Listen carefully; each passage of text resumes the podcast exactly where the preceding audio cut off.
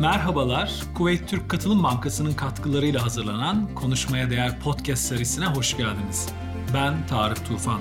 Bu programımızda ülkemizin önemli sanatçılarıyla bize ilham veren, yol açan, konuşmaya değer meseleleri ele alıyoruz. Şimdiden iyi dinlemeler dileriz.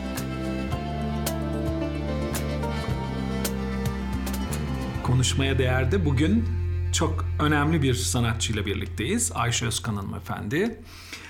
Ayşe Özkan'la Çin'i sanatını konuşacağız. Hiç kuşkusuz sadece sanatını değil, onun hayatında bize ilham verecek. Ee, anlamamıza, hayatımızı yeniden e, anlam yüklü halde yaşamamıza imkan verecek bir takım e, keşifler umuyoruz onunla konuşurken. Çünkü onun hayatında bu ilham ve keşfe epeyce açık e, olaylar, hatıralar, e, emekler var. Ayşe Hanım hoş geldiniz. Hoş bulduk. E, konuşmaya değer şeyler e, arıyoruz biz e, doğal olarak ve sizin hayatınızda konuşmaya değer epeyce şey var. İsterseniz önce e, Çin'den başlayalım. Hiç kuşkusuz Çin ile ilgili insanların zihninde birkaç cümlede olsa şeyler var ama bunun son derece kişisel bir tarafı da var. Siz bu işin emeğini, ustalığını hayatınızda tutan biri olarak nasıl tanımlıyorsunuz? Ee, Çin'i. Çin'i. Çin'i benim için toprağa dokunmakla eş anlamlı bir kelime. Ve onun beni rahatlatması, ruhumu alıp başka bir de- denize doğru e, yelken açtırması ile başlayan bir serüven.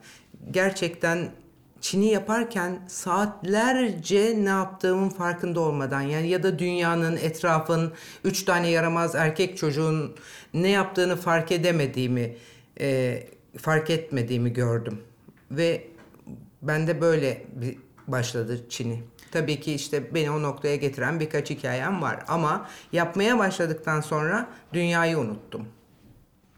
O zaman önce şuradan devam edelim. O hikayesinin hikayenizi soracağım. Fakat kullandığınız bence çok önemli bir kelime var. Toprağa dokunmak. İnsan neden toprağa dokunsun? Modern insanın böyle bir gereksinimi var mı? Modern insanın özellikle var. Ee, televizyondan, bilgisayardan, cep telefonundan her şeyden aldığımız e, radyasyonu bile topraklayarak vücudumuzdan atabiliriz. Çiniye dokunmak bile yeterli bunun için diye düşünüyorum. Çünkü çininin e, ham maddesinde kuarts var ve kuarts da radyasyonu emen bir e, yarı değerli maden. Ruhumuza bakan tarafıyla peki toprağa dokunmak? İnsan topraktan bir şeyler büyütürken ruhumuza dokunmuyor mu? Onun e, yeşermesi, büyümesi, tohumdan çıkışı, e, çiçek büyütüyorsanız güzel renklerde çiçekler açması ya da ne bileyim bir buğday başağına bakarken neler hissediyorsunuz? Ben gerçekten çok etkileniyorum. Durup tarlaları seyrettiğim zamanlar olmuştur yol kenarlarında.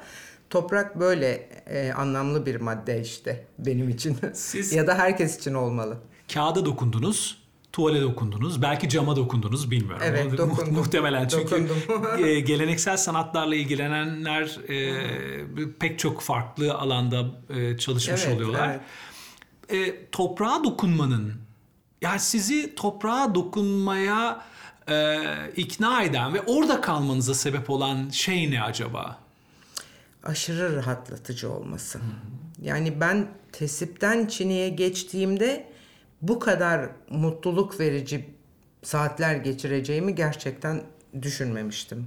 Ama yaptıkça yaptıkça dokunarak çalıştıkça başka bir hale geliyordum. O, diyorum ya yaramaz çocuklarım annem Çin'e başladı istediğimizi yapabiliriz dediklerini duydum bir gün. Eyvah dedim ya ben bu kadar kendimi kaybediyorum bunun başında herhalde. Çocuklar bile bunu söylüyorlar yani.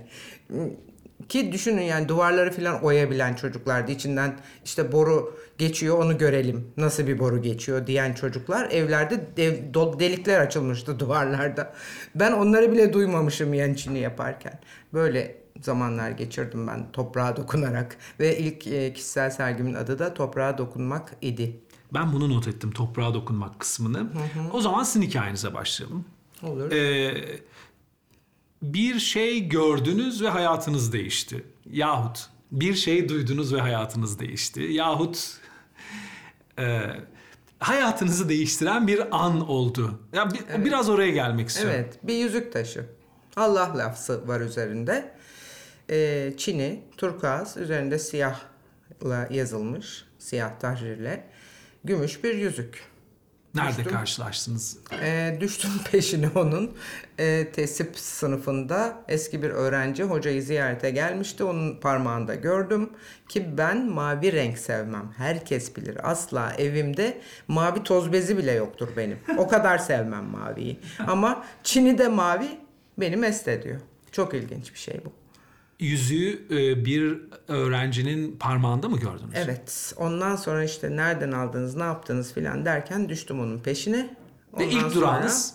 Evet o yüzük bir sürü yüzük taşı yapacağım kendime. İşte kimine çiçek çizeceğim, kimine böcek çizeceğim, kimine yazı yazacağım. Çünkü bir yandan hat dersleri de alıyor idim.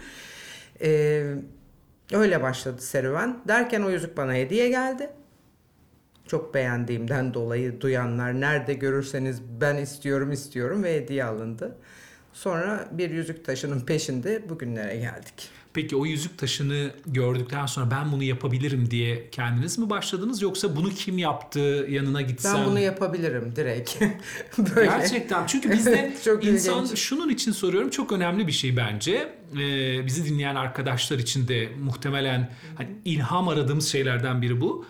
Buna biz güvensizlik içindeyiz. Özellikle geleneksel sanatların zor olduğuna dair bir... Geleneksel sanatlar kurallı sanatlar olduğu için o kuralların dışına çıkmamak gerektiği için zordur. Peki size ne cesaretlendirdi? Size bir özgürlük alanı tanımaz geleneksel sanatlar. Bir dakika.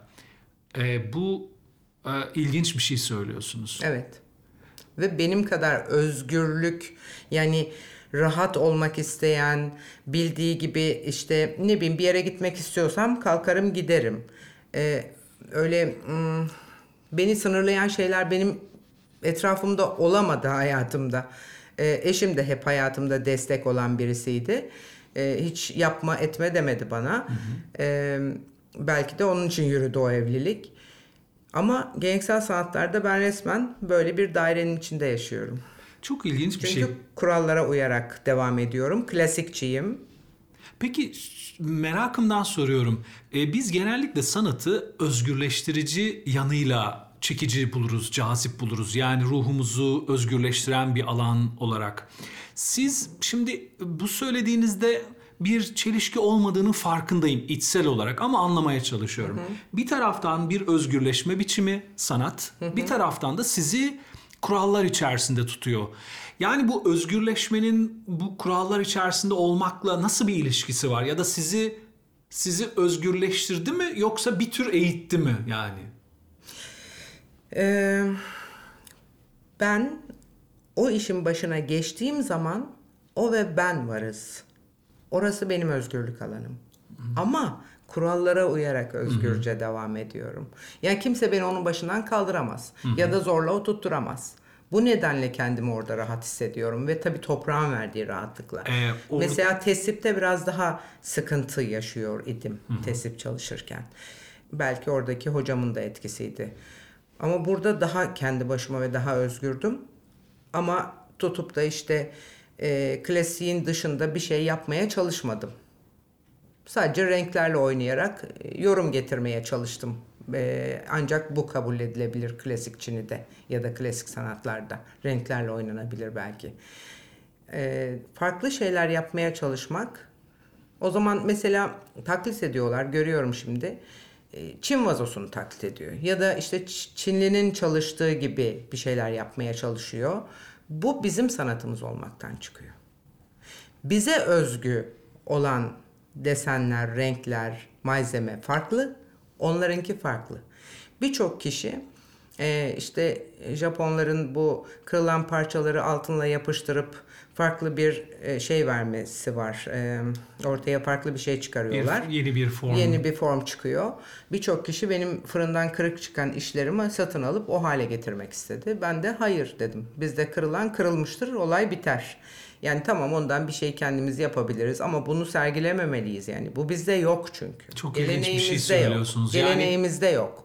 Biz ben bu parçayı size verip bu hale getirttirmem dedim.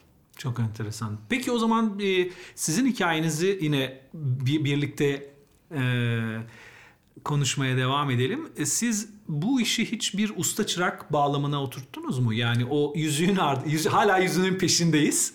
Şöyle söyleyeyim. E, Çin'de usta çırak ilişkim yok ama insanlara sorarak e, nasıl yapıldığını öğrenmeye çalışarak devam ettim.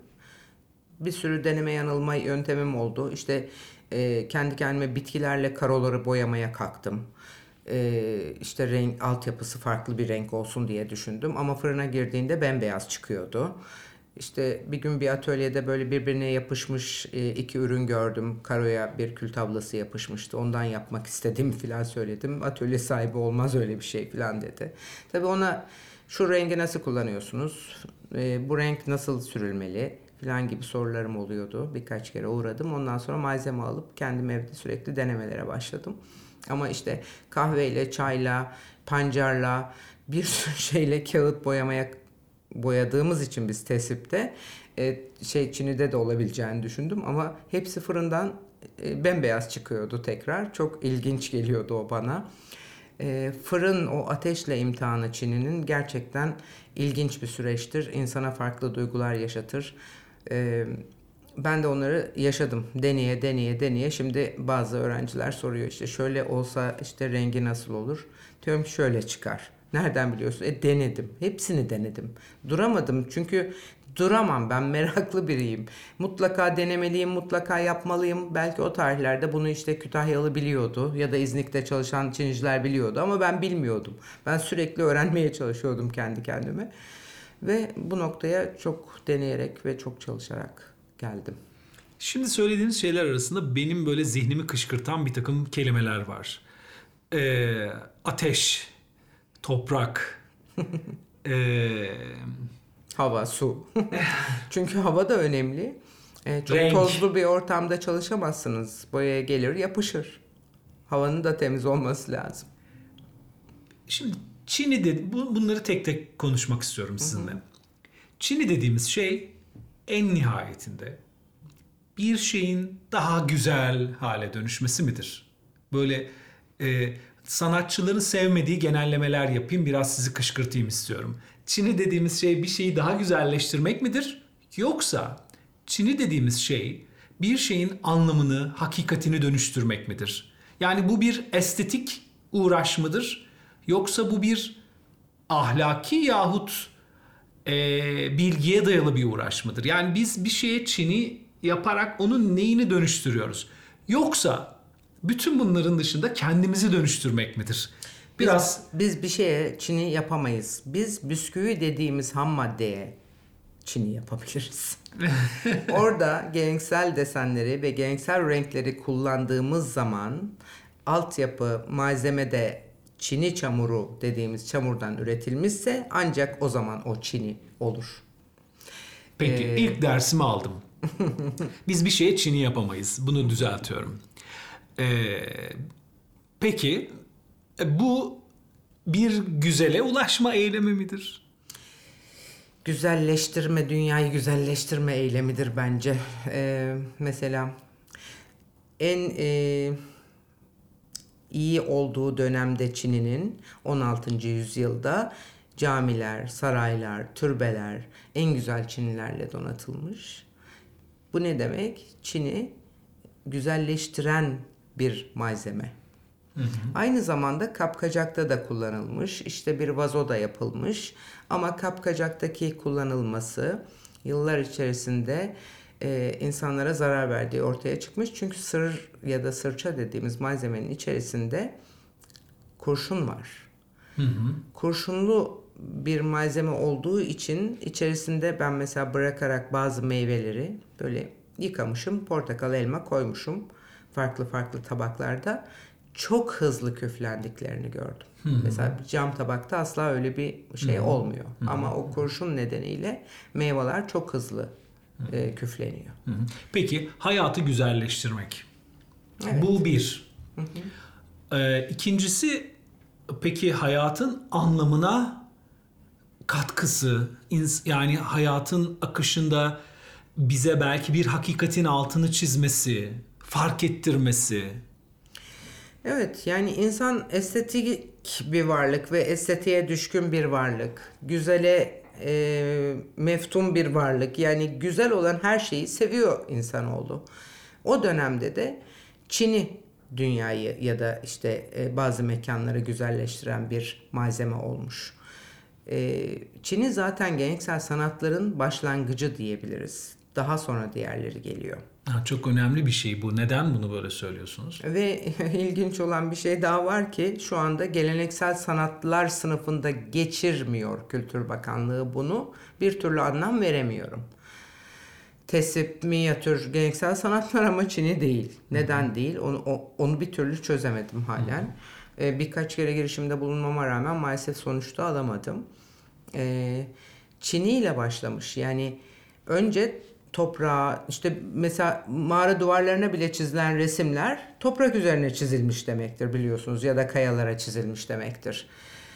Daha sonrasında daha estetik hale getirilmiş, sırlanmış, daha dayanıklı hale getirilmiş. Ee, yani insan hep etrafını aslında varoluşundan itibaren güzelleştirmeye çalışmış. Çin'i daha yüksek bir estetik noktada bulunuyor bu anlamda etrafı güzelleştirmekte. Şöyle bir şey var mı?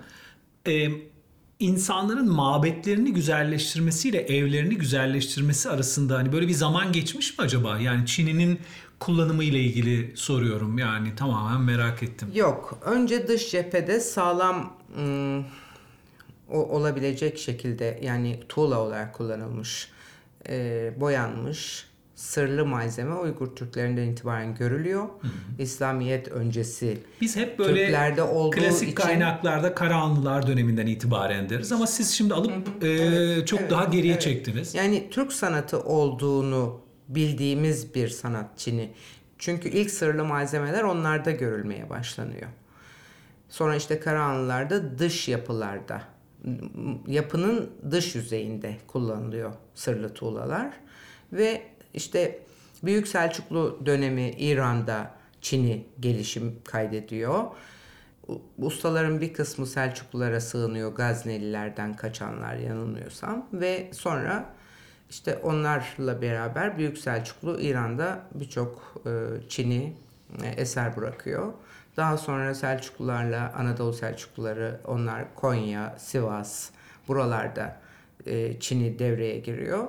Ve derken Osmanlı'da işte daha farklı bir e, daha ilerlemiş haliyle gündeme geliyor ve derken tekrar sönüyor. Yıldızı sönüyor. Ama Kütahya'da mesela hani İznik, İstanbul tamam oralarda bitmiş ama Kütahya'da hep yapılmaya devam edilmiş.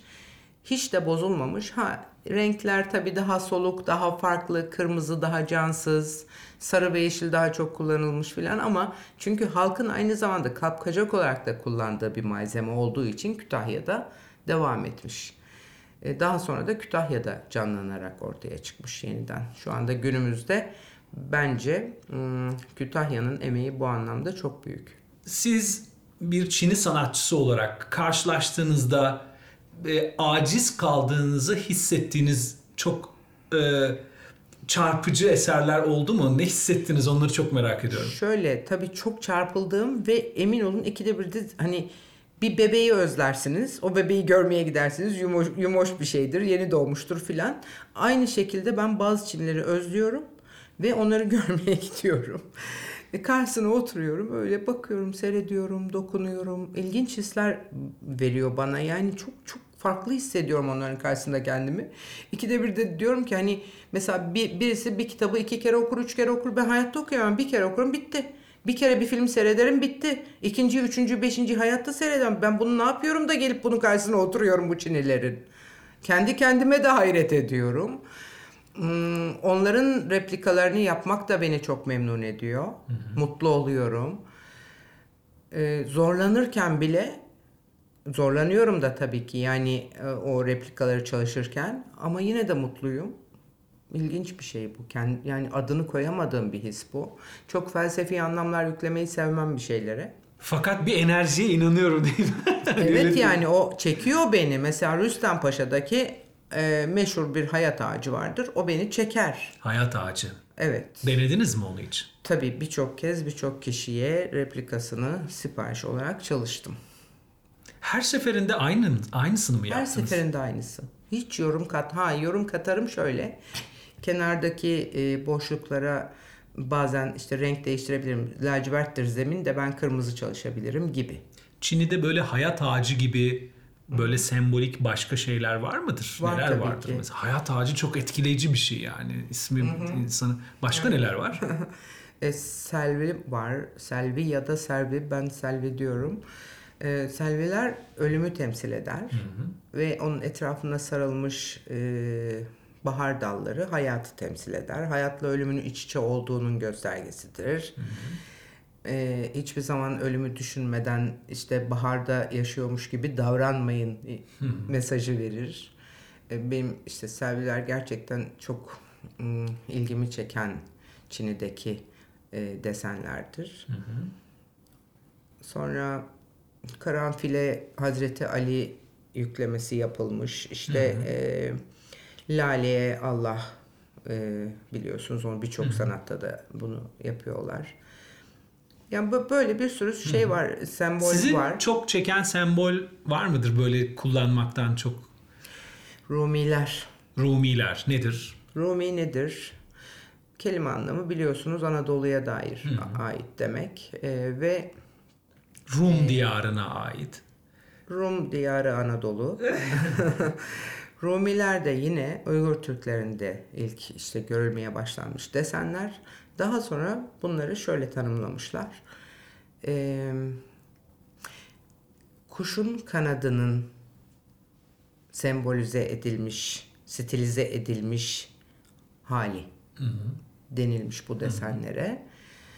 Ee, gerçekten çok farklı. Bugün günümüzde böyle bir desen, yani bir Rumi gibi bir şey icat eden biri var mı? Yok. Ben de yokum. Kimse de yok. En baba tesipçisi de yok. En baba çinicisi de yok. Yok yani. Çok farklı şeyler çizmişler. Ve biz halen daha o desenler üzerinden yürüyoruz. Bu anlattıklarınız benim romancı merakımı kışkırtıyor Ayşe Hanım doğrusunu isterseniz. Yani hikayenin akışını anlamaya çalışıyorum. Yani bir hikayenin peşinde olmaya çalışıyorum. O yüzden de bu sembollerin her birinin hayata karşılık geldiği anları da anlamaya çalışıyorum o romancı merakıyla. Mesela şunu sorsam size.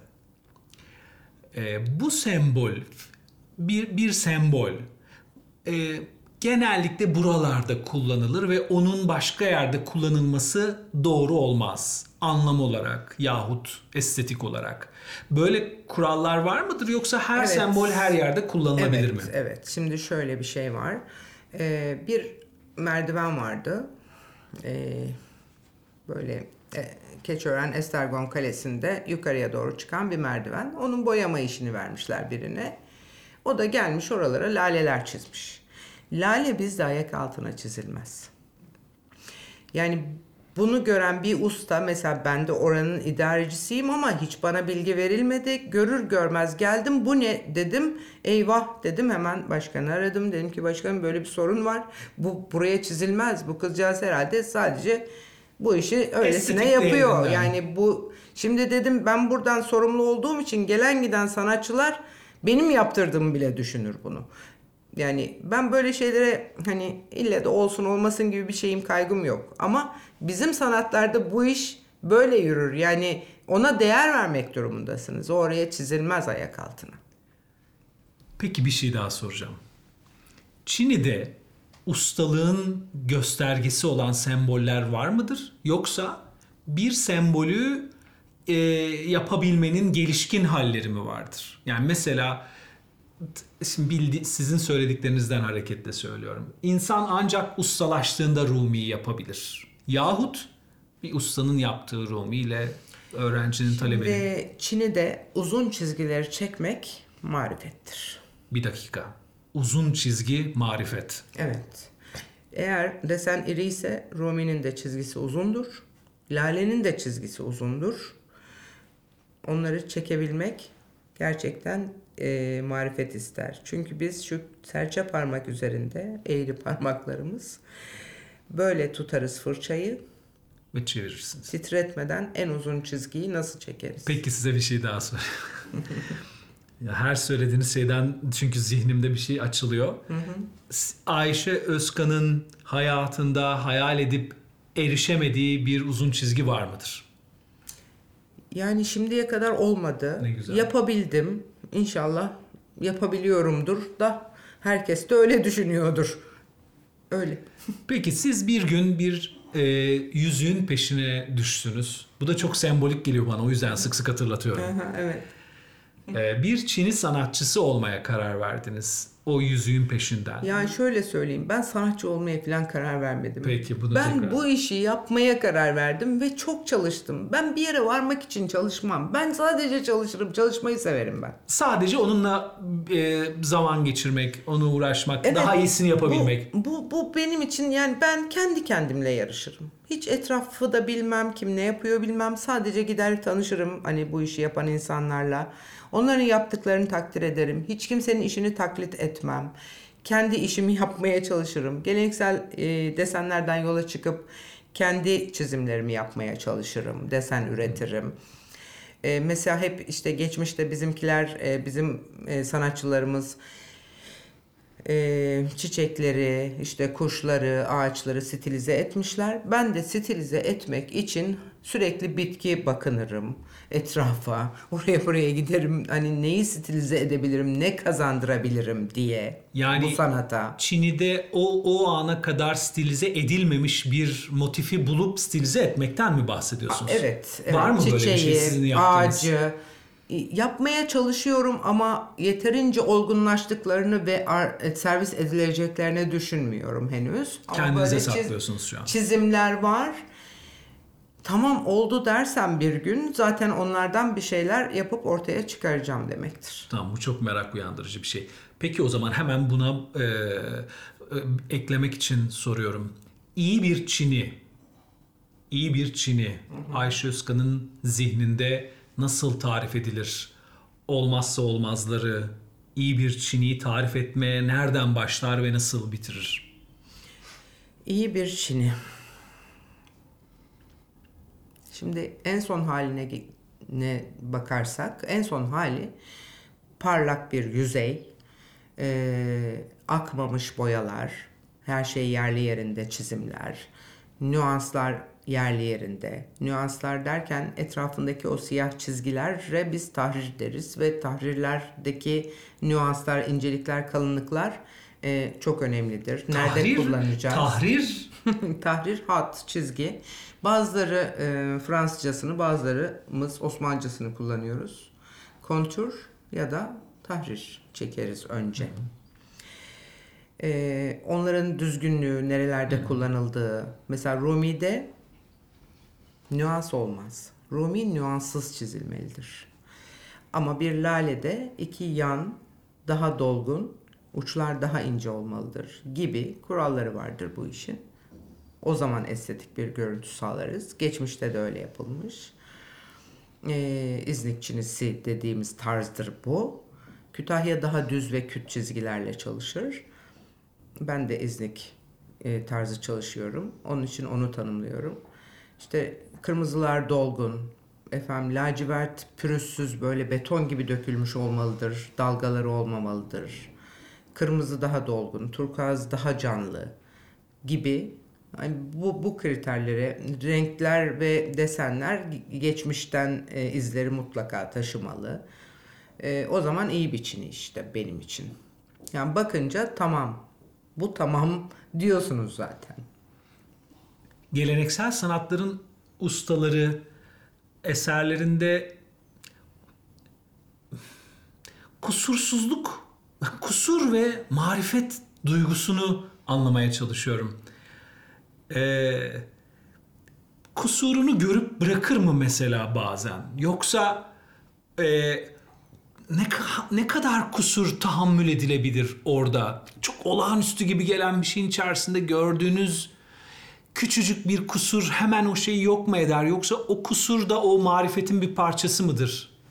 Evet, marifetin bir parçasıdır. Kesinlikle e, ille de olmazsa olmaz diye bir şey yoktur. Bazen e, bir yerin işte bir tane penç. Penç papatya'ya benzer beş yapraklı bir e, çizimdir bizde. Ve e, Diyelim ki pencin bir tanesini lacivert boyamışız ama sonra bütün büyük bir parça gerisini kırmızı yapacağız. Ben derim ki bırakın o sizin nişanınız olarak orada kalsın. O lacivert kalsın diğerlerinin hepsini kırmızı yapın. Olur mu derler kesinlikle olur derim. Geçmiştekilerde de incelediğimizde de böyle nişanlar var çünkü. Kusurdan korkmamak. Mükemmele Evet, giderken evet, evet. O, marifetin bir parçası olarak. işi mahveden bir şey. Çünkü o zaman Çin'i yapamazsınız gerçekten. Peki e, bir yüzüğün peşindeki hikayeniz, maceranız aradan 20 yıl geçtikten sonra sizi nereden alıp nereye götürdü? Ayşe Özkan bir yüzüğü bu kadar sembolleştiriyorum aslında oraya takılmayın. o da bir romancı e, alışkanlığı. O yüzüğün parmağınıza geçtiği andan sonra 20 yıl sonra siz bugün Çin'i sizi nereden alıp nereye götürdü? Yüzüklerin efendisi yaptı der. Siz yüzüğe bu kadar takılınca ben de böyle bir espri yapmak Romancılar istedim. sembolleri sever o yüzden. Ee, işin garibi yüzük takmaz oldum. Garip bir şimdi artık e, şey yapıyor, rahatsız ediyor, ağrı yapıyor ellerimde. Özellikle soğukta. Ee, bir de çiniye dokunamıyorum. Yani sağ elimde yüzük şey yapıyor. Bazen çiziyor filan bozuyor çiniyi. Onun için hiç takamıyorum artık. Bir o yüzüğüm de öylece sallanıyor, duruyor şu anda evde. Bu eski Çinlerin karşısındaki hayranlığımın nedeni şu. Biz şimdi elektrik fırınlarla çalışıyoruz. Malzemeyi sırlıyoruz. Boyayıp işte e, belli bir şeye getirdikten sonra sırlıyoruz. Yüzey tamamen bembeyaz kaplanıyor. Alttaki renkler görünmez hale geliyor. Ondan sonra kuruduktan sonra işte onları belli bir derecede fırına atıyoruz. Yaklaşık 14 saat fırında kalıyor ve 920 derecelerde fırın yavaş yavaş yükselerek o dereceye çıkıyor. Yüzey camsılaşıyor. Renkler görünür hale geliyor. Ondan sonra yavaş yavaş fırın soğuyor tekrar. Belli bir dereceye indiğinde biz fırını açıyoruz ve alıyoruz. Bu adamlar yerlere oydukları e, şeylerde böyle Toprak fırınlar. toprak, toprak fırınlar. Onun hem işte böyle raf raf yapmışlar oralara koymuşlar e, sırladıkları malzemeleri toprağın içinde. İşte içine ateş yakmışlar, üstüne ateş yakmışlar. Bu dereceleri nasıl tutturdu bu adamlar da bu işi İnanılmaz yaptı? bir şey. Sezgisel ölçüler değil mi? Kesinlikle ve yani korkunç bir şey. Yani ben nasıl hayran olmayayım? Gidip tekrar tekrar nasıl ziyaret etmeyeyim o şeyleri, Çinileri? Aklım almıyor gerçekten. Diyorum ki bir yerden bir şey gelecek ve ben bu hissedeceğim ki bunlar şöyle yapıyordu. Yani gerçekten müthişler. Ee, peki kendinizi yani bir Çin'i sanatçısı olarak itirazınızı az önce aldım. Bir Çin'i sanat ama ısrarcılığımı da sürdürüyorum. bir Çin'i sanatçısı olarak kendinizi e, bu bu alanla ilgili nasıl besliyorsunuz? Duygunuzu, zihninizi, kalbinizi yani bu böyle bir şey var mıdır kendinizi geliştirmekle ilgili? Şöyle söyleyeyim. Ee, ben bir şeyi öğrenirken onunla yatıp onunla kalkmaya başlıyorum. Aklımda şöyle bir şey çizmek, şöyle çizersem şöyle olur, böyle çizersem böyle olur. Sonra onu unutabileceğimi düşünüp hemen başucumda kağıt kalem, şöyle bir yarım yamalak karalarım, daha sonra onu düzeltip çizmek üzere is- istediğim ebatlarda. Rüyalarıma girer, yaprağı şöyle çiz, hatayı böyle çiz filan derken ve bu bende Çin'de hiç bitmedi. Hiç bitmedi. O kağıt kalem başımın ucundan hiç eksilmedi. Maalesef bir 3 yıl kadar buna ara verdim. Eşimin rahatsızlığı ve işte vefatı nedeniyle ben bir müddet e, doğru düzgün hiçbir şey yapamadım. Yani böyle bir ruh hal, bir durgunluk geldi üzerime. Ya öğrencilere diyordum ki artık atölyeyi kapatmak istiyorum. Hayır yapmayın etmeyin. İyi ki kapattırmamışlar bana. Çünkü ben son iki aydır tekrar bir canlanma başladı. Tekrar aklıma bir şeyler geliyor. Şunu şöyle yapayım, bunu böyle yapayım. Ve şimdi onlar üzerinde çalışmaya başladım. Yani demek ki bu kadar bir mola vermem gerekiyormuş. Şimdi sil baştan diyorum. Yeniden beni heyecanlandırıyor. Yeniden eve iş getirdim bir sürü boyaları dizdim yine. Evde de devam ediyorum çünkü. İnşallah Mayıs ayında da bir e, öğrencilerimle beraber bir sergi açarak bu sene e, güzel bir şey yapacağız diye düşünüyorum. Peki size birkaç renk soracağım ve sizdeki çağrışımlarını. Olur mu? Mavi. Hangi tonu? Maviyi hiç sevmediğinizi e, söylemiştiniz e, konuşma esnasında. Öyle mesela lacivert deyin. Peki laciverti ayrıca soracaktım yani mavi ve lacivert olarak Mavi ayrı ayrı demeyin. soracağım. Çünkü bence mavi şu mavi ise işte bu mavi ise falan işte sevmem. Mavi daha e, zihninizde muallak bir şey mi renk? Mavi bence yalancı bir hayal rengi. tamam. Sevmiyorum. Yani gerçekten bana böyle bir çağrışım yapıyor. İşte diyorlar ki işte gök mavi, deniz mavi. E diyorum. Arkası ne? Ne yani? İşte insana iyi geliyor. Gelmiyor kardeşim bana yani. Gelmiyor işte. Bana yeşil iyi geliyor. Peki yeşil. Hayat, dünya. Hayat. Lacivert. Derin ve karanlık. Kırmızı. Çiçekler, böcekler, uğur böcekleri, gelincikler. Çok güzel kırmızı. Sarı. Ee, hasta ruh. Konuşmaya değer meseleler açtınız bize Ayşe Hanım. Çok teşekkür ederim. Ee, sayenizde toprağa dokunmak, hayatı güzelleştirmek, kendi hayatında anlam peşine düşmek, hayatın içerisinde gördüğünüz bir izin peşine takılıp bütün emeğinizi, fedakarlığınızı o şeye adamak, yeni anlamlar bulmak, kendinizi yeniden var etmek e, bir büyük kültürün parçası olmak. Çin'in anlam dünyasıyla ilgili. Ta Uygur Türklerinden bugüne kadar. Bir büyük kültürün, estetiğin, ahlakın, görgünün bir parçası olmak. Hayatında e, o zorluğa boyun eğmeden kurallar içerisinde kendine yeni özgürlük alanları açmak. Bir sırrın peşine düşmek. E, zihnimizi açtınız.